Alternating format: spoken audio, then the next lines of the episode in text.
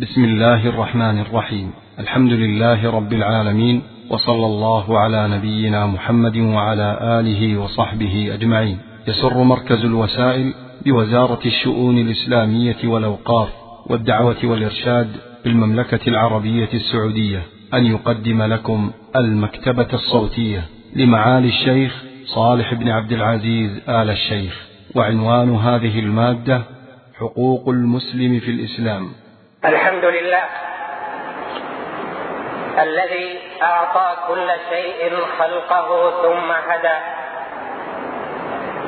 والحمد لله الذي كرم ابن آدم وفضله على كثير ممن خلق تفضيلا. وأشهد أن لا إله إلا الله وحده لا شريك له.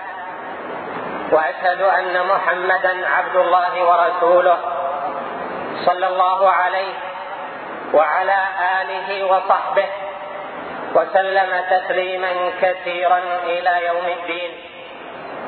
أما بعد فيا أيها المؤمنون اتقوا الله حق تقاته ولا تموتن إلا وأنتم مسلمون.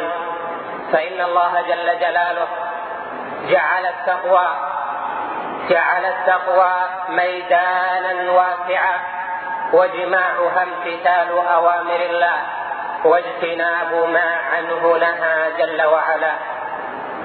أيها المؤمنون إنه لا كرامة للإنسان إلا بما كرمه الله جل وعلا به لأنه سبحانه هو الذي خلقه.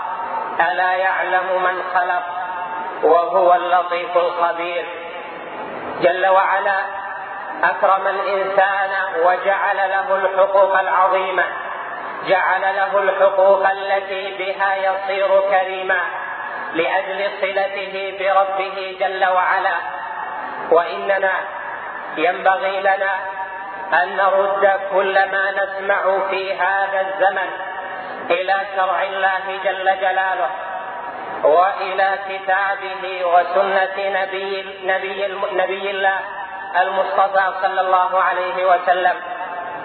وقد كثر في هذا الزمان ذكر حقوق الإنسان وإنها كلمة ترددت عند أنواع شتى من الأمم ترددت عند الغربيين وعند الشرقيين وأيضا أهل الإسلام عندهم حقوق للإنسان.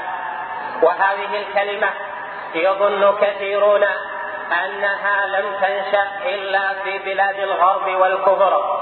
والله جل جلاله هو الذي جعل للإنسان حقوقا كما أنه جعل عليه حقوقا. والأصل في ذلك قول الله جل وعلا ولقد كرمنا بني آدم وحملناهم في البر والبحر ورزقناهم من الطيبات وفضلناهم على كثير ممن خلقنا تفضيلا. فالإنسان الذي هو ابن آدم كرمه الله جل وعلا وتكريمه يعني أن الله جل جلاله جعل له الحقوق التي بها يصبح كريما من حيث جنس الإنسان لا من حيث كل فرد فرد من بني آدم. فالله جل وعلا كرم ابن آدم بأن جعله متصلا بربه جل وعلا فتحرر من عبوديته لجنسه تحرر من أن يكون عبدا لإنسان مثله أو أن يكون مطيعا في كل شيء لإنسان مثله. فرفعه إلى أن تكون طاعة الجميع لله جل وعلا. قالوا حقوق الإنسان وهذه الحقوق ينبغي لنا أن ننظر إليها من جهات متعددة بنظر شرعي حتى لا يلتبس على المسلم ما يسمع أو ما يردد حوله مما يجعله ربما نظر إلى شريعة الإسلام الخالدة. أن فيها وفيها مما قد يلقيه الشيطان في النفوس. إن كلمة حقوق الإنسان معناها أن الإنسان له حق ولكن هذا الحق لا بد أن يعطاه الإنسان. فأول مسألة من الذي يعطي الإنسان الحقوق؟ ومن الذي يجعل له حقا؟ أو أنه يسلب حقا منه. إذا نظرت وجدت أن الغربيين مثلا جعلوا للإنسان حقوقا في ميثاق أصدرته هيئة الأمم المتحدة في سنين خلت وكانت نظرتهم في حقوق الإنسان كانت نظرتهم نابعة من النظرة الغربية للإنسان بعامة وإلى أنهم يريدون أن يسيطروا على الإنسان. فهذه الكلمة لها ظاهر يغري كل إنسان بقبولها ولكن باطنها يجب أن ينظر إليه من جهة من الذي يعطي الحق للإنسان؟ هل الذي يعطي الحق للإنسان ويجعل حقوقا للإنسان البشر أم الطبيعة أم أنها الديانات أم أنه الدين الخاتم الذي رضيه الله جل وعلا للناس. ومن يبتغي غير الإسلام دينا فلن يقبل منه وهو في الآخرة من الخاسرين. نعم إن حقوق الإنسان إذا نظرت إليها من جهة كونها مجردة مجردة من الذي يصدر الحق. نظرت إلى أن الإنسان يجعل حقا لنفسه بما يشاء وهذا لا تستقيم معه الأمور ولا يصلح لهذا جاءت شرائع البشر. بتنظيم حق الإنسان وفيها سيطرة بعض أجناس الإنسان وبعض الدول على الناس الآخرين.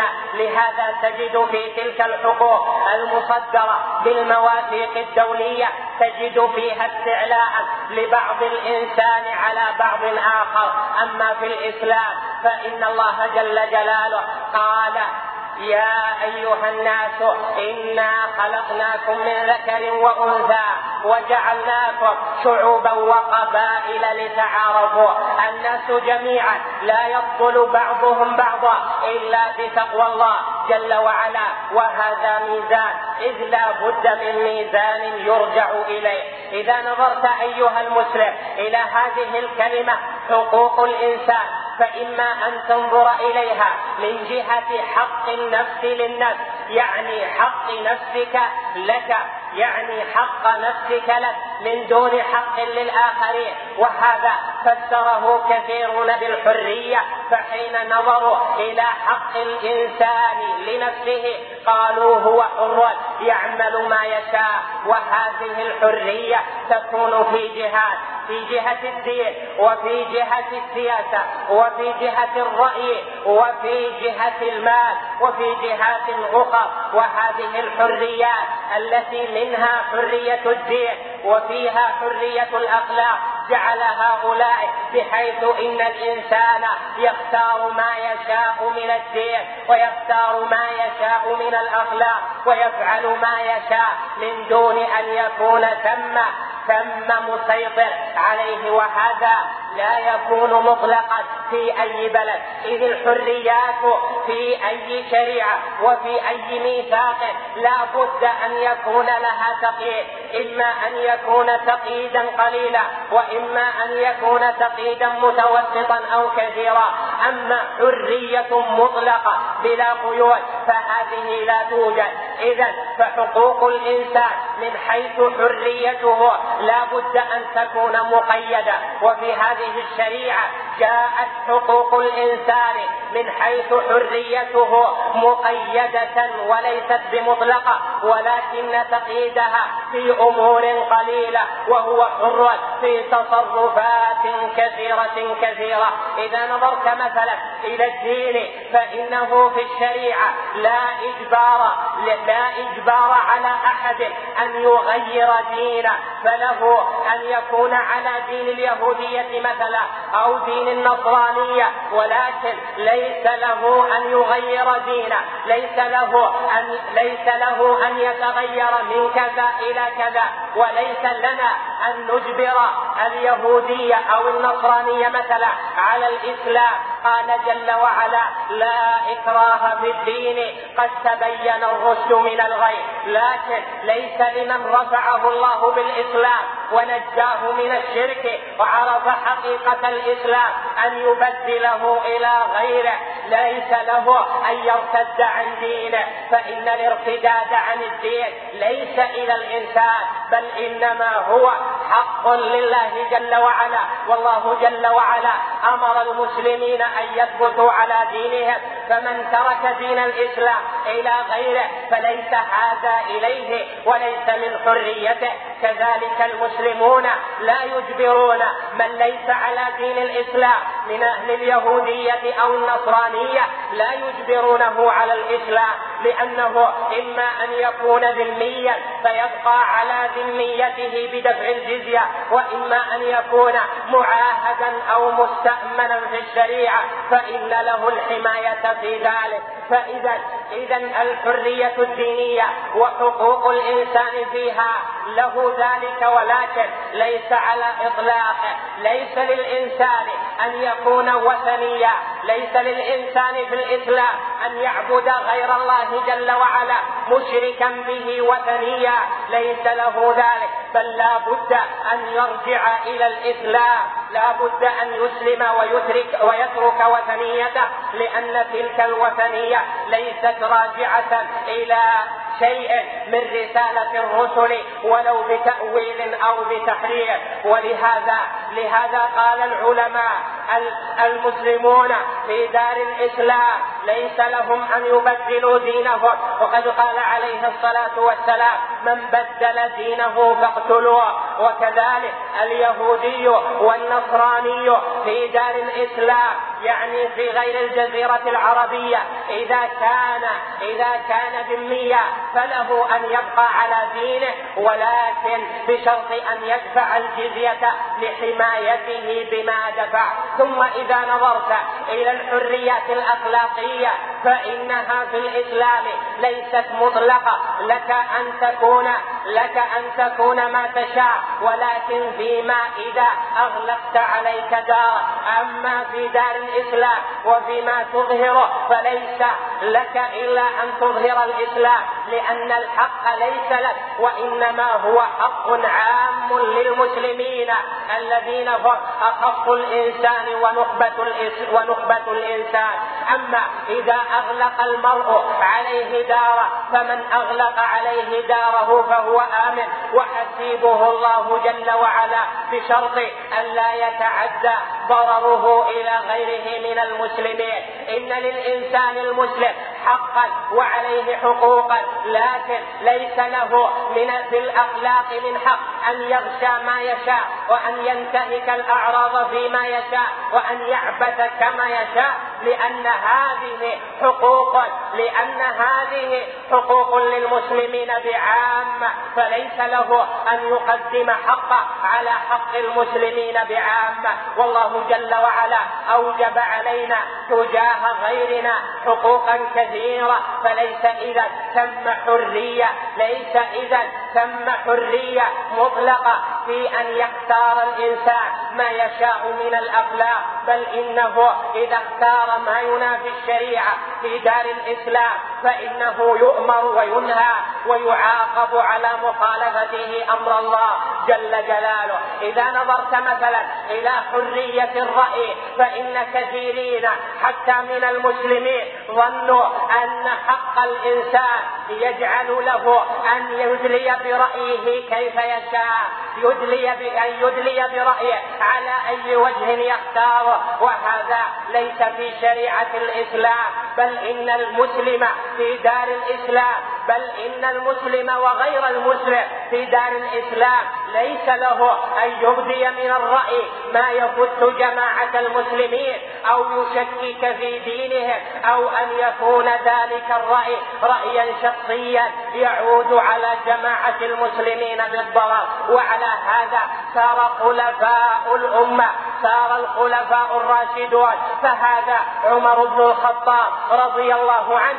لما أتى رجل في المدينة يقال له صبيغ بن عسل لما أتى وقال أقوالا في القرآن وبثها على أنها رأي من رأيه أتاه عمر وعلاه بالذرة وضربه. قال كيف تجدك الآن؟ قال يا أمير المؤمنين ذهب الذي كنت أجد في رأسي فنفاه عمر عن المدينة حماية حماية للناس. وهذا أبو ذر رضي الله عنه وهو صحابي من الصحابة. لما خالف خليفة المسلمين عثمان بن عفان وأثار بعض الآراء التي له وهو صحابي من الصحابة وأراد منه عثمان أن يكف فلم فلم يكف أبو ذر عن رأيه نفاه عثمان إلى خارج المدينة إلى الربذة ومات فيها وهذا معروف في التاريخ. إذا حرية الرأي وحق الإنسان في إبداء رأيه ليس على إطلاقه في الشريعة. له أن يبدي الرأي. ما لم يفت ذلك الرأي في جماعة المسلمين لأنه حينئذ تقدم المصلحة العامة حقوق الإنسان المسلم بعامة على حق ذلك الخاص في إبداء رأيه. إذ إن الضرر الضرر المحدود الذي لا يتعدى صاحبه فإنه أسهل. أما إذا كانت الآراء تبث وتغير الآراء العامة للمسلمين في دينهم وفيما أمرهم به أمرتهم به شريعتهم فإن هذا لا يليق أن تمنح له الحريات ولا أن يجعل من حقوق الإنسان لأنه إذ ذاك يكون معارضا معارضا لحق الله ومعارضا لحقوق المسلمين بعامة. كذلك في حقوق أخرى عدوها حقوقا وهي من الحريات. فإذا كان كذلك فإذا حق الإنسان لنفسه حق الذات للذات هذا بإطلاقه ليس موجودا في الشريعة. لكن إذا نظرت من جهة أخرى وجدت أن الإنسان المسلم بل وإن غير المسلم في دار الإسلام له حقوق كثيرة كثيرة على ضابط الشريعة. فحقوق الإنسان عندنا مضبوطة بشرع الله. مضبوطة بكتاب الله جل جلاله لأن الإنسان مؤتمن لأن الإنسان مؤتمن وقد أوكلت به أمانة. ولذلك فإن عليه أن يرعى الأمانة. إن عرضنا الأمانة على السماوات والأرض والجبال فأبين أن يحملنها وأشفقن منها وحملها الإنسان. إن الله يأمركم أن تؤدوا الأمانات إلى أهلها فإذا الإنسان ليس له حقوق مطلقة بل حقوقه متقيدة بالشريعة. ولو عقل الإنسان لوجد أن ما حباه الله الذي خلقه أكرم وأعظم له وأشرف له مما أعطاه غير الله من المخلوقين الذين يريدون مصالحهم. عقل ذلك من عقل ولم يعقل ذلك الأكثرون. أيها المؤمنون إذا نظرت في حق الإنسان في بلد الإسلام وجدت الشريعة جعلت للمسلم حقا على أخيه المسلم وجعلت له حقا جعلت له حقا على إخوانه وجعلت له حقا على ولايته ودولته وجعلت له حقا أيضا في ماله وفي جيرته وفي عرضه حتى إنه من عجائب الشريعة أنها جعلت له بعد وفاته حقا فأنفذت وصيته وأوجبت ذلك وجعلته مراعا بعد مماته في أولاده. إن الذين يأكلون أموال اليتامى ظلما إنما يأكلون في بطونهم نارا وسيصلون سعيرا. حفظ الإسلام للمسلم بعد مماته. عرضه فقال عليه الصلاة والسلام لا تسبوا الأموال فإنهم أفضوا إلى ما قدموا. وفي لفظ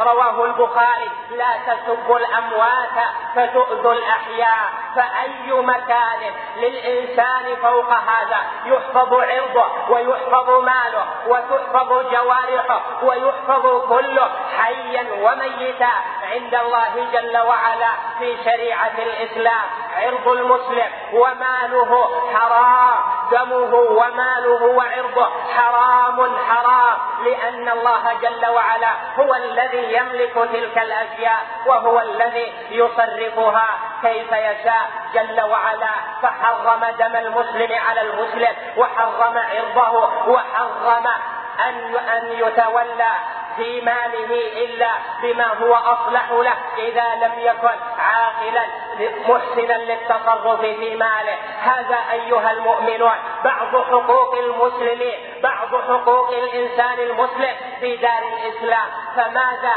عن غير المسلم؟ مثلا في بلاد الإسلام في بلاد الإسلام غير المسلم إما أن يكون ذميا فله حقوق. وإما أن يكون معاهدا مستأمنا كما في بلادنا هذه في الجزيرة لأنه لا ذمة فيها لأنه لا يقر النصارى فيها بإطلاق ولا اليهود فيها ولا تقبل منهم فيها الجزية لأن النبي صلى الله عليه وسلم أمر بإخراج اليهود والنصارى من جزيرة العرب. فإن أتى بعضهم على غير إقامة مستديمة بأمان فلهم حق الأمان. فماذا تظن أن الشريعة جاءت لغير المسلم في دار الإسلام؟ إن الله جل جلاله جعل الشريعة في علاقات المسلم بغيره. مسلما كان أو غير مسلم ذلك الغير. جعلها منوطة بالعدل والإحسان. إن الله يأمر بالعدل والإحسان. وقال جل وعلا في أولئك المستأمنين الذين لم يعادوا الإسلام وأهله.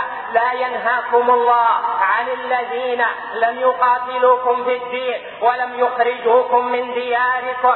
أن تبروهم وتقسطوا إليهم النبي صلى الله عليه وسلم كان ربما زار جارا له يهوديا وكان إذا طبخ في بيته طبيع أهدى لجيرانه. ولو كانوا من غير المسلمين تأليفا لهم وترغيبا.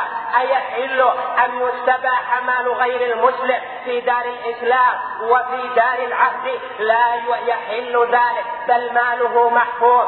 أد الأمانة إلى من ائتمنك ولا تخم من خانك قال عليه الصلاة والسلام من آذى معاهدا فأنا خصمه يوم القيامة. ولو نظرت إلى حال أولئك من غير المسلمين في عهد النبي صلى الله عليه وسلم وفي عهد الخلفاء الراشدين لوجدت أن حقوقهم كاملة ولكن هي حقوق ليست بمحض تخرصات وأوهام وأفكار لكن حق أعطاهم الله جل وعلا إياه. فليس لنا أن نعطي حقا من نشاء أو أن نسلب حقا من نشاء ولكننا نسير على وفق شريعة الإسلام. فمن آذى معاهدا في دار الإسلام فالنبي صلى الله عليه وسلم خصمه. حتى إن الفقهاء وعلماء هذه الشريعة قالوا لو أغلق الكافر عليه داره في بلد الإسلام وأظهر شيئا من دينه في بيته ولم يظهره للناس وشرب الخمر أو زنى فإنه في داره مؤمن وليس لنا أن ندخل عليه الدار ما لم يكن في ذلك إضرارا بالمسلمين وتعديا على المسلمين وضررا يلحق بأمة الإسلام أو يلحق بالمجتمع المسلم. إذا كان في نفسه وقد أغلق عليه داره فله حرمته لكن ليس له أن يظهر شيئا من المعصية أو من الكبائر على المسلمين أو في شارع بلاد المسلمين لأن الحق هنا يكون حقا للمسلمين يكون حقا عاما وليس له في ذلك حق. وهذا أيها المؤمنون من كرامة غير المسلم. لكنه ذليل في هذه الدار والمؤمن هو العزيز. لهذا ترى أن حقوق الإنسان قد كفلها الشرع لأنها لأن الشرع أعطى الإنسان حقه من جهة الرب جل وعلا.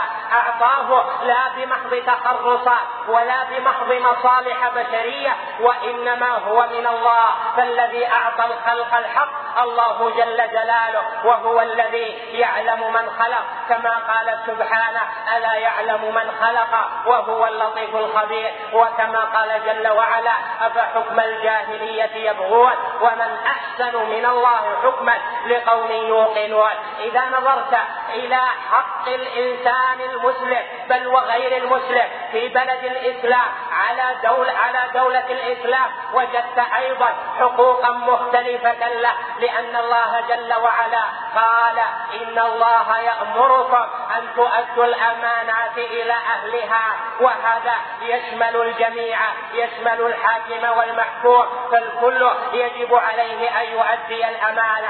فدولة الإسلام عليها أن تحفظ للمسلم حقه في ماله فلا تسلب منه ماله ولا تقيده في تصرفاته في ماله بأن تجبر على تصرفات في ماله لا يرضاها إلا في مصالح في مصالح كبرى. يسميها بعض العلماء المظالم المشتركة. وهذا له بحث ليس هذا مكان بسطه وتناوله لكن في العموم المسلم له حق على الدولة فليس لها أن تظلمه وليس لها أن تسلبه حقه في التصرف في ماله. يتاجر في الحلال بما يشاء فليس عندنا في بلاد الإسلام ما يسمى بالمؤسسات الرأسمالية التي يكون فيها يكون فيها أصحاب رأس المال الصغير أذلاء لأصحاب رأس المال الكبير. بل يعطى هذا الفرصة ويعطى هذا الفرصة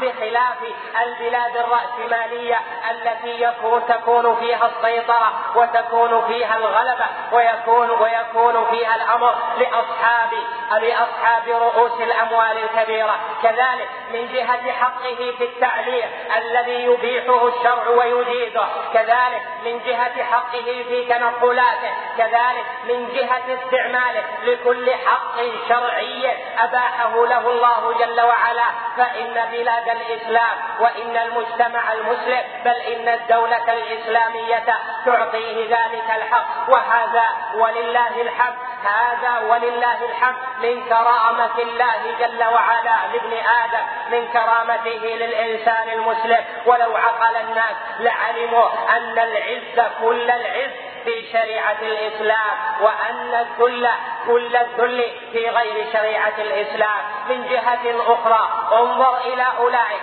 الذين الذين تبنوا في الظاهر. هذه الكلمة التي لا يفهمها الكثيرون وهي كلمة حقوق الإنسان. انظر إلى أفعالهم. أفيكون حقا للإنسان؟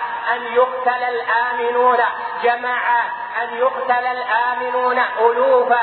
أن يقتل الآمنون بأكثر من بأكثر من ذلك أيكون حقا للإنسان أن يجعل الإنسان ذليلا أسيرا في أيدي وفي تصرف أصحاب الأموال الكبيرة. أيكون من حق الإنسان أن يكون مكرما في بعض أجناسه وأن يكون تكون بعض أجناس الإنسان ذليلة في في نزعة عرقية بحتة. أيكون من حق الإنسان أن عند أولئك أن يكون هل يكون الإنسان نوع من الإنسان مرفوعا مبجلا دمه يسوى يساوي دم ملايين من البشر وأما دم الآخرين فلا يساوي شيئا. التناقض يعود على القاعدة بالبطلان. فأنتم انظروا وحكموا لتعلموا أن العز كل العز في شريعة الإسلام. لكن أيها المؤمنون قد يكون القصور يأتي من جهة بيان الشريعة من جهة أن المبينين للشريعة لا يحسنون بيانها. أما الشريعة في نفسها فهي من الحق جل جلاله كاملة مبرأة من كل نقص وعيب صالحة لإعزاز الإنسان كل الإنسان ولإكرامه صالحة لكل زمان ومكان. لكن المنتسبون للإسلام قد لا يعقلون الشريعة وقد تكون قد تكون أفهامها تقصر عن علاج بعض الحوادث وليس العيب في الإسلام. إنما العيب في بعض أهله. فلتكن عزيزا بالاسلام ولتكن قويا به مدافعا عنه معتقدا تمام الاعتقاد أن الحق فيه وأن الباطل في غيره. اللهم اجعل قلوبنا مطمئنة لدينك اللهم نسألك أن تجعلنا من المنافحين عن دينك وعن شريعتك وأن تجعلنا ممن يقولون الحق ويبينون. اللهم من علينا بفهم صحيح للدين ومن علينا ببيان سديد له. واللهم من كان مهتديا فزده هدى ومن كان ضالا. اللهم فاجعله من المهتدين ومن عليه بعفوك وكرمك. واسمعوا قول الحق جل جلاله. أعوذ بالله من الشيطان الرجيم. إن الله يأمركم أن تؤدوا الأمانات إلى أهلها. وإذا حكمتم بين الناس أن تحكموا بالعدل. إن الله نعم يعظكم به. إن الله كان سميعا بصيرا. بارك الله لي ولكم في القرآن العظيم. ونفعني وإياكم بما فيه من الآيات والذكر الحكيم. أقول قولي هذا وأستغفر الله العظيم الجليل لي ولكم ولسائر المسلمين من كل ذنب. فاستغفروه وتوبوا إليه. إنه هو الغفور الرحيم.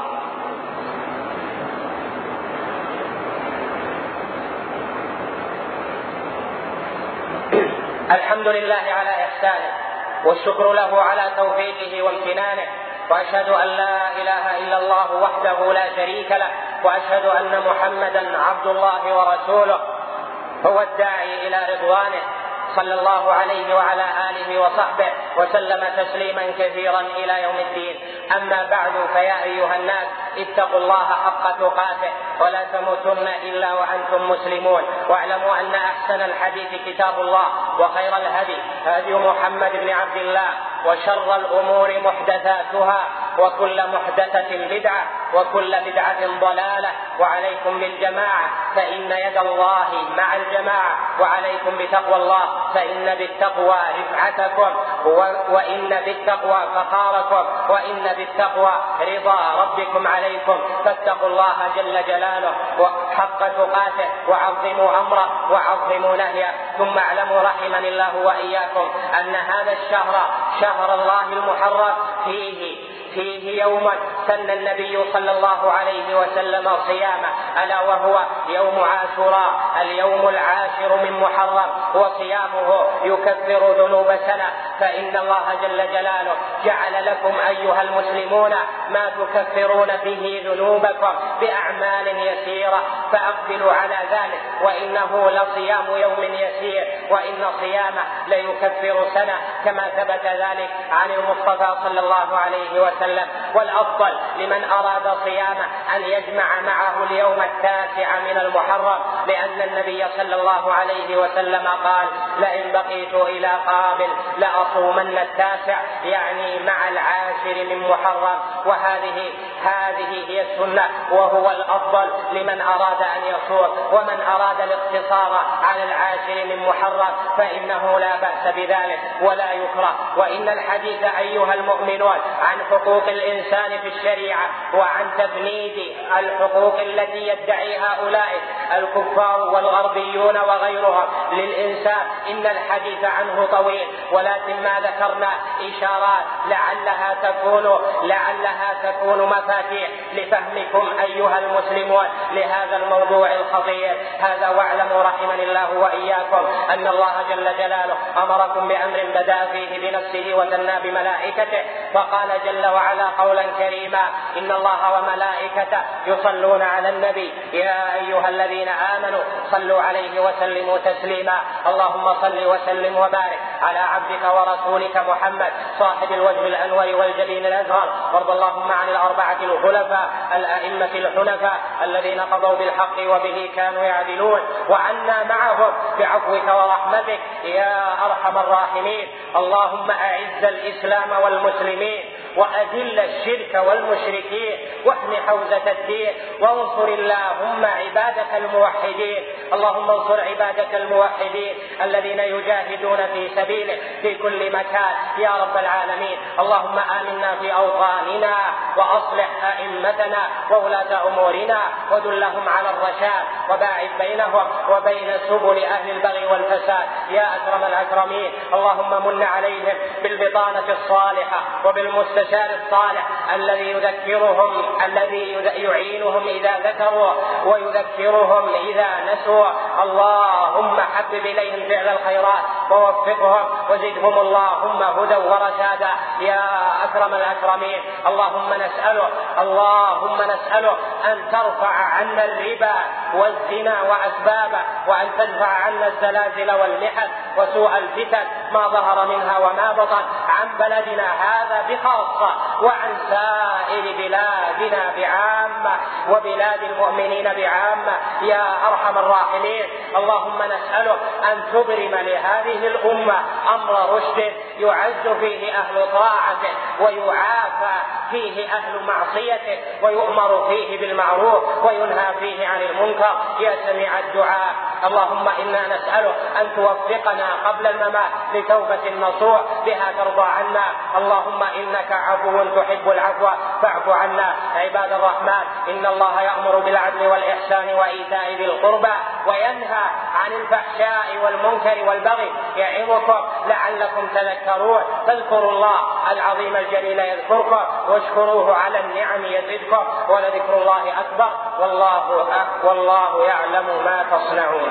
مع تحيات مركز الوسائل بوزارة الشؤون الإسلامية والأوقاف والدعوة والإرشاد بالمملكة العربية السعودية.